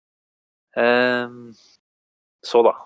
Matteo Gundosi har, eh, som du var inne på i forrige podkast, eh, allerede under Dubai-tur i vinter eh, lagt seg ut eh, med Arteta. Ikke, ikke vist den, eh, den holdningen Arteta er ute etter å se, utenfor banen særlig. Eh, hadde jo nå en eh, episode i etterkant av Brighton-matchen hvor han eh, tok strupetak på, tilsynelatende, på Neil Mopé. Mye godt kan sies om det, men det sier kanskje, det føyer seg inn i rekken da, hos Gundosi om, eh, om en måte å opptre på. Og så kom det nok sannsynligvis en diskusjon eh, mellom Arteta og han i etterkant av dette. Om den bare dreide seg om den episoden, eller om det var noe mer òg, det vet jeg ikke. Men en diskusjon som kulminerte, skal vi tro rapportene, eh, med at eh, Arteta har åpna, eller klubben har åpna for at Gundosi kan selges til rett pris. Eh, Hva sier vi til dette? Nei, altså rapporten kommer fra L'Equipe, den franske storavisa, som uh, har veldig god koll på fransk fotball og franske spillere i, i utlandet. Så det er klart uh, Det høres jo ikke helt usannsynlig ut som det kan stemme, men det, det skjer jo i kjølvannet av uh, den episoden med, med Neil Mopé og den, den, den vrakinga i den påfølgende kampen. Og etter hvert eh, fra Sheffield United, da, som han heller ikke var i troppen. Da, men det var vel etter Southampton-kampen at, eh, at den eh, nyhetsstoryen breaka. Ja, stemmer. Og det virker, det er litt sånn Det virker jo litt sånn ja, som to pluss to òg, da. Eh, kanskje en agent der som er ute og varsler når hun ser at spilleren er i hardt vær i klubben. sørger for at, at, de store klubbene i Europa vet at han er, kan være tilgjengelig. Men jeg ser ikke på det som usannsynlig hvis, hvis uh, Gendosi på en måte har uh, havna i unåde, så har Teta nå flere ganger i løpet av en, den perioden han har vært der. da. Så, Nei, jeg synes han var, eh, han var relativt uh, ærlig når han uh, Han fikk jo ganske konkret spørsmål om, om Gendosi, og svarte jo mer generelt, men uh, la vel ikke noe særlig imellom og tydeliggjorde at er du ikke med på prosjektet mitt, så er du er åpent for å forlate klubben, men at han for så vidt holder eh, dører åpne for, eh, for alle og enhver. Men jeg tror nok det krever en, først og fremst en holdningsendring fra Matheo for å, for å komme tilbake i varmen der, altså. Ja, og ting endrer seg jo veldig fort i, i fotball. da, og Det kan jo være en, en oppdragelsesfaktor her. og Teta tenker at her har vi eh, en, en, en vinnerskalle som må temmes. En potensiell leder som må, må eh, rett, rettledes inn på, på, eh, på rett spor. Og i så måte så tar han grep nå mens, mens spilleren fortsatt er eh, mulig å forme. Men, og jeg syns jo For å ta Gendosi litt i forsvar, da. Det er jo en spiller som jeg har vært ekstremt frustrert over, egentlig. Uh, han tar jo alltid tre touch for mye og passer på en måte ikke helt inn noe sted. Eh, best når det er sånn kaospilot som eh, tar tak i kamper hvor vi sliter. Eh, og helst er det liksom personligheten hans vi snakker om, og ikke fotballspilleren. Men jeg hørte på den der podkasten til Athletic, som anbefales, hvor Lee Dixon er fast gjest. Handbrake off etter den. For de som ikke har hørt den, ligger på Spotify og sikkert på iTunes osv. òg. Og Louis Dixon sier at eh, hvis Gendosi hadde hatt en, en, en, en lederskikkelse, en, en ordentlig lederskikkelse ved siden av seg, så hadde han blitt 50 bedre nesten over natta. For at, eh, han føler at Gendosi får masse ansvar, og det er han som liksom skal lede an. Eh, og han trenger en, eh, en ved siden av seg, eller kanskje, kanskje flere ved siden av seg, som, som rettlederen. For han er i ferd med å, å spore helt av på en måte i, i sin Arsenal-karriere, og som fotballspiller i verste fall. Uh, Granit Xhaka har vi snakka mye om uh, som uh, de siste, siste månedene og siste par åra for så vidt. Han er nok en bra leder utafor banen. Ganske åpenbart òg. Mm. men på banen så er ikke Granit Xhaka en spesielt god leder. Og det er jo han som, det er jo han som blir lederen til Gendos på midten der, og, og det er ingen andre. Og Nei, kan- Granit Xhaka er vel eh, den ene konstanten i det laget her. eh, Og det er for så vidt mye godt man kan si om han. Vi har jo sett at vi har savna han òg, men at han, eh, at han er den typen man ser opp til og, og på en måte får riktig rettledning fra underveis, det, det er jeg vel ikke helt sikker på. Nei. Så jeg tenker at um, at hvis vi skal være et, eh, et Dortmund, så er det for så vidt ikke helt feil hvis vi, vi henter den for var det 8 millioner pund, og kanskje sier vi får igjen en 40-45 millioner pund for den, så har vi jo fått, tross alt Ja, det er en jo god en eh, flott måte å drive klubb på, det. Absolutt. Jeg ser jo han har blitt rykta noe løst til Manchester United. Og så har det også vært en del rapporter om eh, en potensiell byttehandel med Atletico Madrid, der Gundosi går dit og Thomas Party, da, som vi var inne på i det vide og det brede forrige runde. Og jeg eh, skulle jo veldig gjerne sett at han tok turen til London. eh, At de hadde bytta beite. Det, da får vi jo en ganske ferdig fotballspiller i retur. Eh, tror ikke nødvendigvis det hadde vært noe dum deal for Arsenals del. Om det er realistisk, det vet jeg ikke.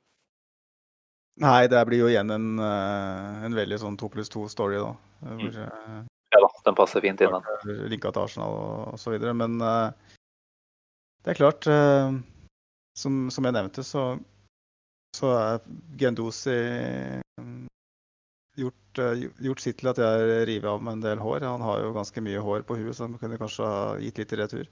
Men eh, han eh, Det er en spiller som mangler eh, ganske mye eh, foreløpig. Men han er må huske på at fyren han er vel han er 21 eh, og har spilt allerede vanvittig mye fotball på det høyeste nivået. og eh, har en, en, åpenbart en personlighet som, eh, hvis du kanaliserer det riktig, eh, kan bli veldig bra. Men så er da spørsmålet om, eh, om fotballferdighetene matcher det. Eh, Ja.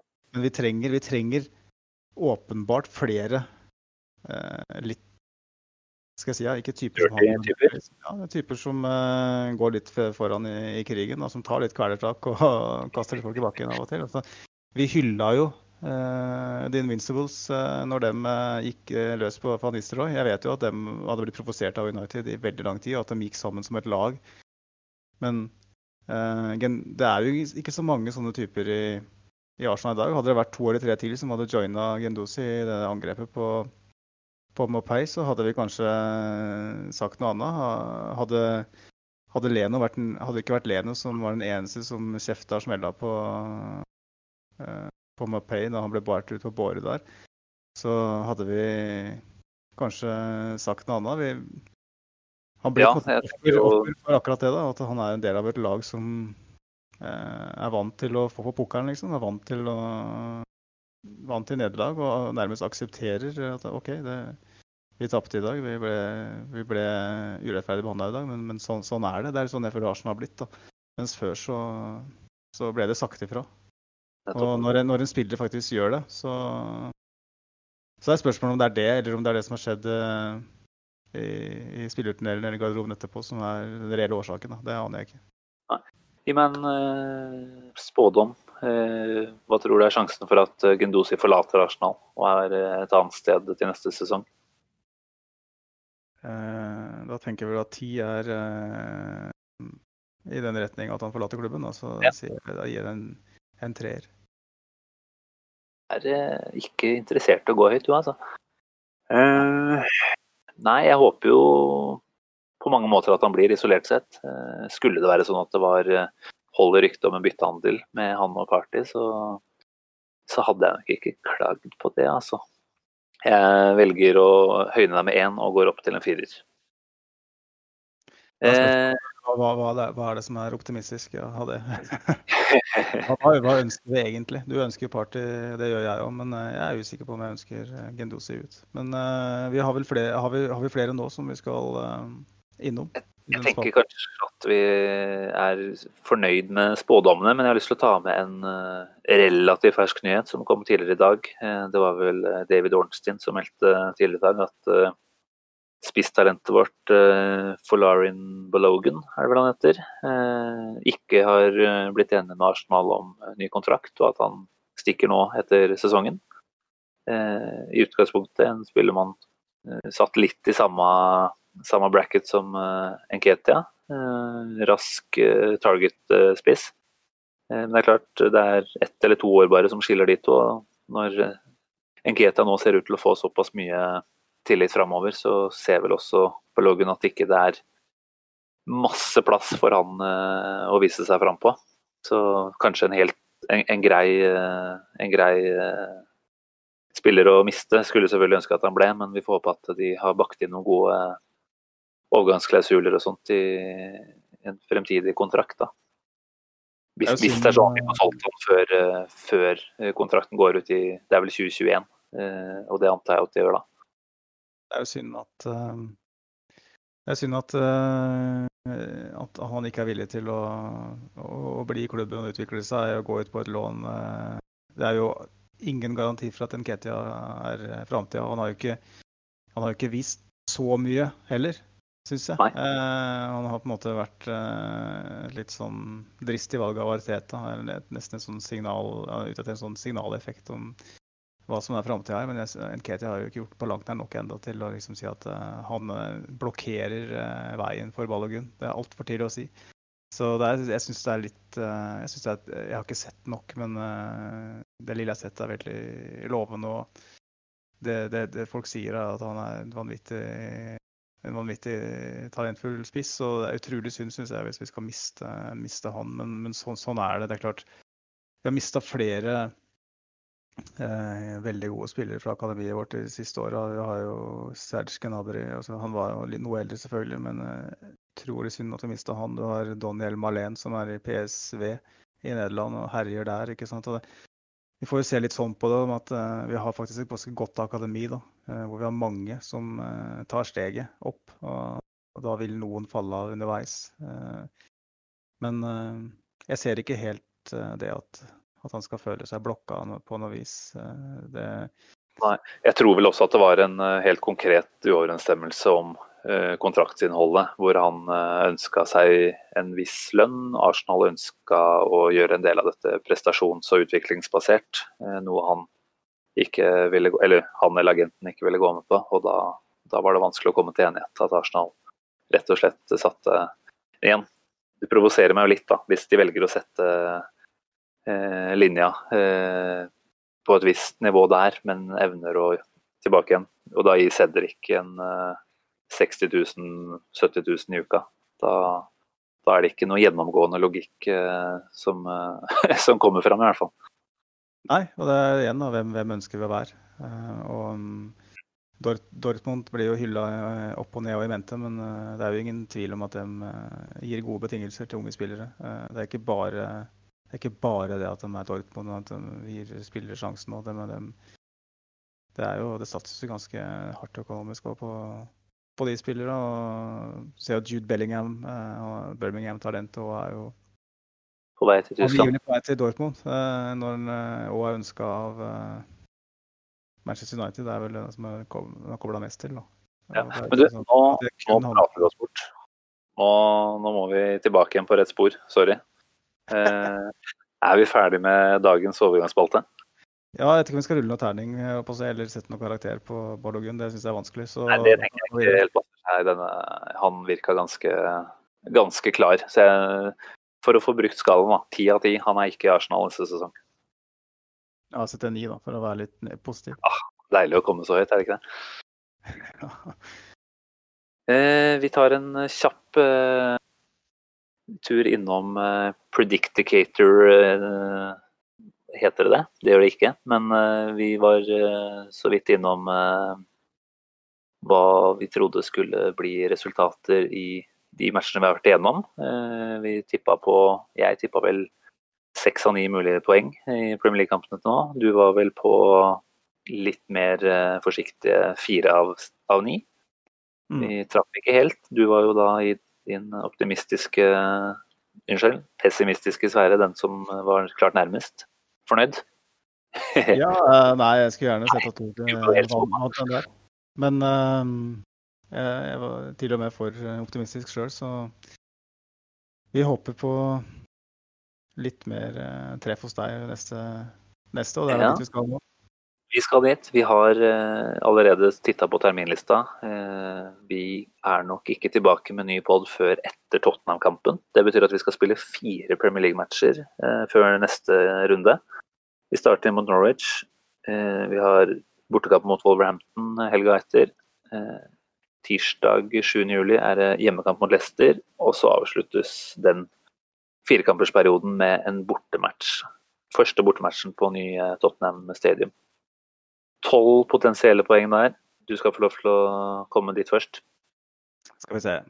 Da tipper jeg at vi slår Norwich hjemme. Eh, Det føler jeg meg relativt trygg på at vi gjør. Wolverhampton borte, det er kjempevanskelig. Eh, mm, Tipper en uavgjort der. Hjemme mot Leicester, den tror jeg faktisk vi tar. Da Leicester har ikke vært i god form i det siste. Eller egentlig i lang periode nå. Har ikke det, og vi har eh, god statistikk hjemme mot Leicester. Tross alt. Uten at det nødvendigvis er veldig kompatibelt med, med koronafotball. Tottenham borte. Klassisk uavgjort. Jeg vet ikke hvor, hvor lenge det er siden vi vant borte mot Tottenham. Det, det begynner å bli ganske lenge siden, det, dessverre. Var det, var Var det det Rosiski Jeg tror det. Det var jo 20, jeg vet ikke, 2013-2014, Ja. ja. noe sånt noe. Eh, så det blir jo da, hvis jeg teller opp, tre, fire, fem Nei, tre, fire, sju, åtte poeng, da. Det, er jo ganske optimistisk eh, med tanke på lineupen her. Synes Ja, selv. jeg syns jo hjemmekamp mot Norwich det skal være tre. Altså, det går ikke an å gjette på noe annet enn det. Eh, Wolverhampton borte har vi jo hatt kjempetrøbbel med. Eh, så- så blir det spennende å se hva Arteta trekker opp av hatten til den matchen der. Eh, og selvfølgelig hvordan skadesituasjonen og bare fitness-situasjonen utvikler seg. Vi har spilt hver tredje dag nå i to uker allerede. Wolverhampton har hatt et par, eh, par lengre pauser enn oss. Eh, ja, jeg tror kanskje jeg, jeg velger å være mer pessimistisk enn akkurat på den, og, og Oi, oi. gå for en, etat, faktisk. Eh, Leicester hjemme, som sagt, de har vært i begredelig form over lang tid nå. Så har vel plukka noe sånt som 15-16 poeng på tilsvarende antall matcher. Så, så der tror jeg det skal være muligheter for en seier, faktisk. Og så er det da rosinen i pølsa til slutt. Eh, Da høyner jeg deg der, altså. Jeg går for en deilig borteseier. Det måtte du nesten nå for å holde deg i av skalaen. Jeg må leve opp til eh, forventningene her. Så ni av tolv potensielle poeng, eh, tenker jeg. Og da skal det jo holde hardt eh, med Champions League-diskusjonen. Men eh, det er jo en eh, sum som ville tatt oss ganske close opp til Europa League-diskusjonen for de siste, siste to Premier League-kampene, som da er mot Liverpool og Watford. Ja, jeg, føler jo liksom at at vi ser litt for mørkt på situasjonen vi, vi er i. da, For at vi tar med den City-kampen i, i, i, beregningen her. Eh, en kamp som vi alle forventa å tape. Og så har vi gått på en, et arbeidsuhell mot Brighton. Så har vi vunnet mot Southampton. Eh, og i tillegg cupen mot, mot, Sheffield United. Så to av tre kamper hvor vi forventa å få noe, så har vi faktisk fått med oss maks. Eh, og det er jo litt, litt betryggende, selv om igjen, som vi snakka om innledningsvis, konturer kanskje har mangla litt. Så Eh, nei, jeg har trua på at vi kan få med oss ganske bra, bra fangst her. og eh, Hva det ender med til slutt, vet jeg ikke. Vi har jo, vi, etter det så kommer jo bl.a. Liverpool. Så vi, vi, skal vi ha noen sjanse, må vi få må vi nok helst få en sju-åtte poeng også eh, av det her. Skal vi ha noen forutsetninger. Den kampen mot Wolverhampton er jo en vanvittig viktig kamp. Eh, de ligger vel ni poeng foran oss nå med en kamp mer, ja. med mer spilt. Og så kommer Tottenham da to runder senere, som, og en annen motstander som ligger foran oss og kjemper. Så det her, det, jeg føler at det er den mest definerende perioden vi går inn i nå. Ja, og kanskje også, bortsett fra litt utfordringer på mannskapssida, så er det også en periode vi kanskje igjen kan begynne å forvente at vi virkelig ser hva Arteta får til eh, på treningsfeltet. Vi kan i hvert fall håpe det. Eh, håpe at de har tid nok til å, å planlegge imellom, imellom kampene som kommer veldig tett. Ja. Vi får se. Eh, det var eh, Det var eh, predict, predicate Jeg klarer jo ikke å snakke engang, jeg. Hva er det dette heter? Prediksjon, kan vi si, hvis vi skal si det på godt norsk. Men predict, prediction-spalten, hvis vi kaller det en spalte. Det, det blir fort en liten spalte, det her òg. Men nå er det duket for det virkelige høydepunktet, vil jeg si. Det jeg gleder meg til i halvannen time nå. Du har igjen tatt på, tatt på, deg brillene og funnet fram fjærpennen, Magnus. Og satt deg ned og forfattet et uh, smykke av et innlegg om en gammel helt. Hva er det vi skal få høre om denne gangen? Nå har du ikke lest uh, smykket ennå, så jeg håper det ikke blir en sånn der uh, jugelgreie fra Europris vi skal fram til nå. Men uh, vi skal, uh, jeg skal ikke avsløre noe som helst, egentlig. Jeg tenkte bare skulle kjøre på. Gønne på. Vær så god.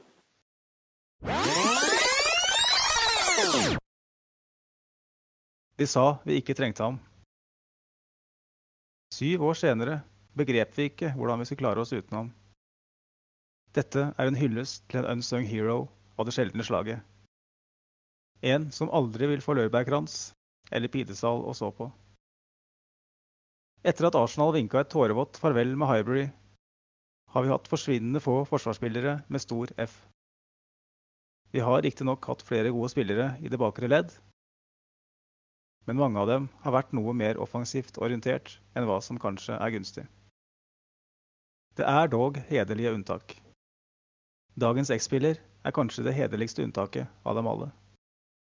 En glamorøs type med et svært karakteristisk hårsveis. Og med fotballverdens kanskje deiligste kone. Likevel var det svært lite ved spillet hans og banen som var glamorøst. En ekte arbeidshest, pålitelig som få. Minimum sjuer på børsen hver uke.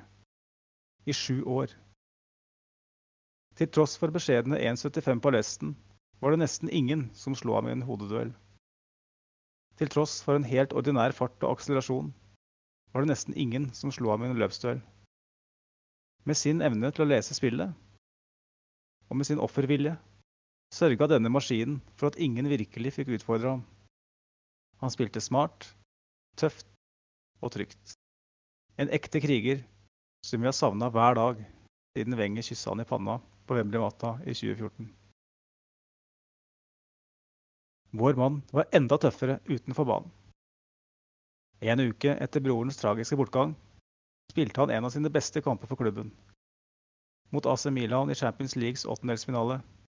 En 0-0-kamp på Emirates Stadium. Returkampen på San Siro sammenfalt med brorens begravelse i Senegal. Vår mann tok det umulige valget. Et valg som kanskje vil vekke avsky hos noen, men som likevel sier alt om den altoppslukende dedikasjonen. Han ikledde seg den stolte drakten og spilte nok en fremragende kamp. En kamp som huskes for elleville scener etter Fabregas avgjørende skåring i det 84. minutt. Samtidig som familien til Arsenals høyrebekk sørget over brorens død 4000 km unna. Han kom på årets lag i England denne sesongen. En, en bragd han greide ytterligere én gang i løpet av tiden i Nord-London. Mange mener han burde vært på årets lag hvert år, men grunnet manglende offensive kvaliteter ble han nok litt for lite spektakulær for stemmegiverne. For Arsenal var han derimot uvurderlig. For Arsenal var han Mr. Consistent, mannen som aldri spilte en dårlig kamp. Da sluttsignalet lød på Wembley 17. mai 2014, og Arsenals niårige ørkenvandring endelig kunne avløses med champagne showers og et etterlengtet FA Cup-trofé, var det slutt for Emirates-æraens til nå beste forsvarsspiller. Mannen med håret og den smekre veggen, som mange mener er Arsenals beste høyreback i moderne tid. Og der er konkurransen knallhard. Sorry, Lee Dixon. Sorry, Loren. Bakari Sagna for min stemme. Og jeg kan vel ikke si noe annet enn at det er et godt valg, det. Han som du var inne på, forsvarsspiller. Der var det få som, eh, som overgikk Bakari Sagna. Og som type, ikke minst. Det var, jo en, eh, det var jo også en fyr det var veldig lett å like. Som man ble veldig glad i. Og jeg må jo si at uh, til tross for at han forlot oss uh, på utgående kontrakt og reiste til City og tjente store penger, så, så, var ikke det noe jeg klarte å, å mislike han for. Altså. Det var noe med å Jeg hadde, hadde, gjennomgående respekt for han uansett. og en fantastisk stabilitet på høyrebekken i, i, så mange år. Så vi visste igjen ikke hvor godt vi hadde det før vi mista han. Nei, Eh, det var eh, Det er klart eh, en spiller som som hadde sine fremste kvaliteter defensivt. Som presterte hver eneste uke. Og det er noe vi har hatt veldig få av etter at han stakk, rett og slett. Og han spilte jo en del kamper som stopper og var vel så god der. Så Eh, ja, nei, et, et, godt valg av deg. Eh, et ikonisk bilde, bilde det her med Wenger som står eh, over og kysser en Sanja som sitter på knærne. Fantastisk bilde, faktisk. Det var vel de to, de, de to som fortjente det aller mest den, den dagen. ja, det kan du si. Og jeg syns jo du også levde opp til hypen om, eh, om, et smykke som jeg presenterte dette her som det skulle være. Nok en gang en flott uh, framstilling, Magnus. Jeg syns dette er et helt nydelig innslag i, i podkasten. Takk, takk. Um, jeg håper det. Uh, men det er klart vi, vi, går fort, går fort. Det er mange, mange X-spillere, men som jeg sa til deg for et par episoder siden, så så kan det hende at vi må gå inn på den floppelista etter hvert og lage en litt annen vri. jeg tenker hver femte kan være en, eh, en fyr med negativt fortegn. Det, det tåler vi. Selv om det er, det er faktisk veldig ålreit med litt sånn uh, godfølelsen på, på, tampen her. Uh, og det, det, fikk jeg til de grader av å høre på det, det du kom med her nå. Altså. Jeg tenker jo at det er fint når, når klubben tross alt sånn jevnt over presterer under det vi håper på, så er det fint å dra fram eh, det positive. Kanskje en, dag, eh, en vakker dag i framtida når eh, vi spiller inn episode nummer 100 og Arsenal topper tabellen, at vi kan, at vi kan ta en, et avsnitt om Igors Stepanaus eller Andreas Santos. Når vi vinner FA-cupen om en måneds tid, så tenker jeg det går an å dra fram en av disse litt mindre suksesshistoriene. Da lover jeg å by deg på. Høres veldig bra ut.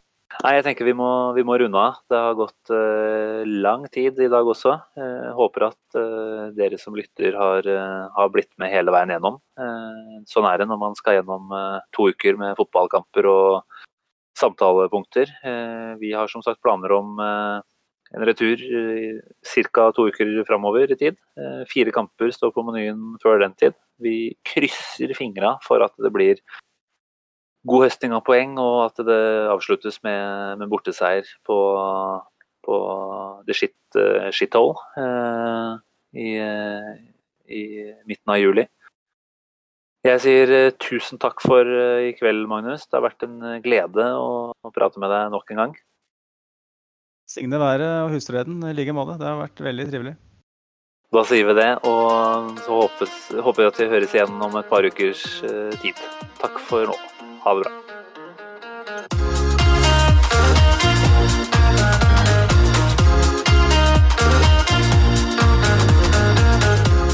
This train terminates here.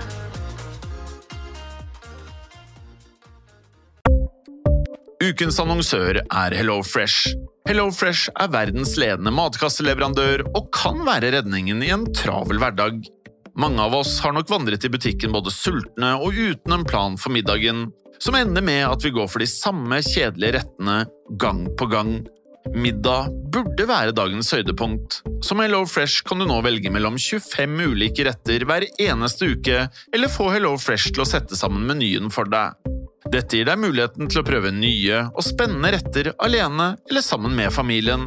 Du velger antall porsjoner og får alt levert på døren på et tidspunkt som passer for deg. Oppskriftene er enkle, og maten er lett å lage både for store og for små. Ved å få alt levert hjem får du også mer tid til å dele matgleden med familie og venner. Kanskje det frister med asiatiske tacos eller greskinspirert kylling? Da kan jeg anbefale deg om å gå inn på hellofresh.no.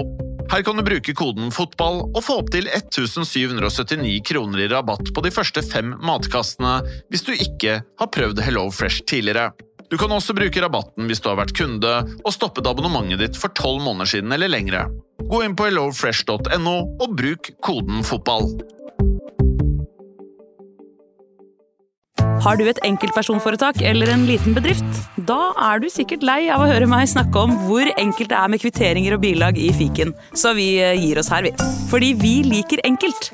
Fiken superenkelt regnskap.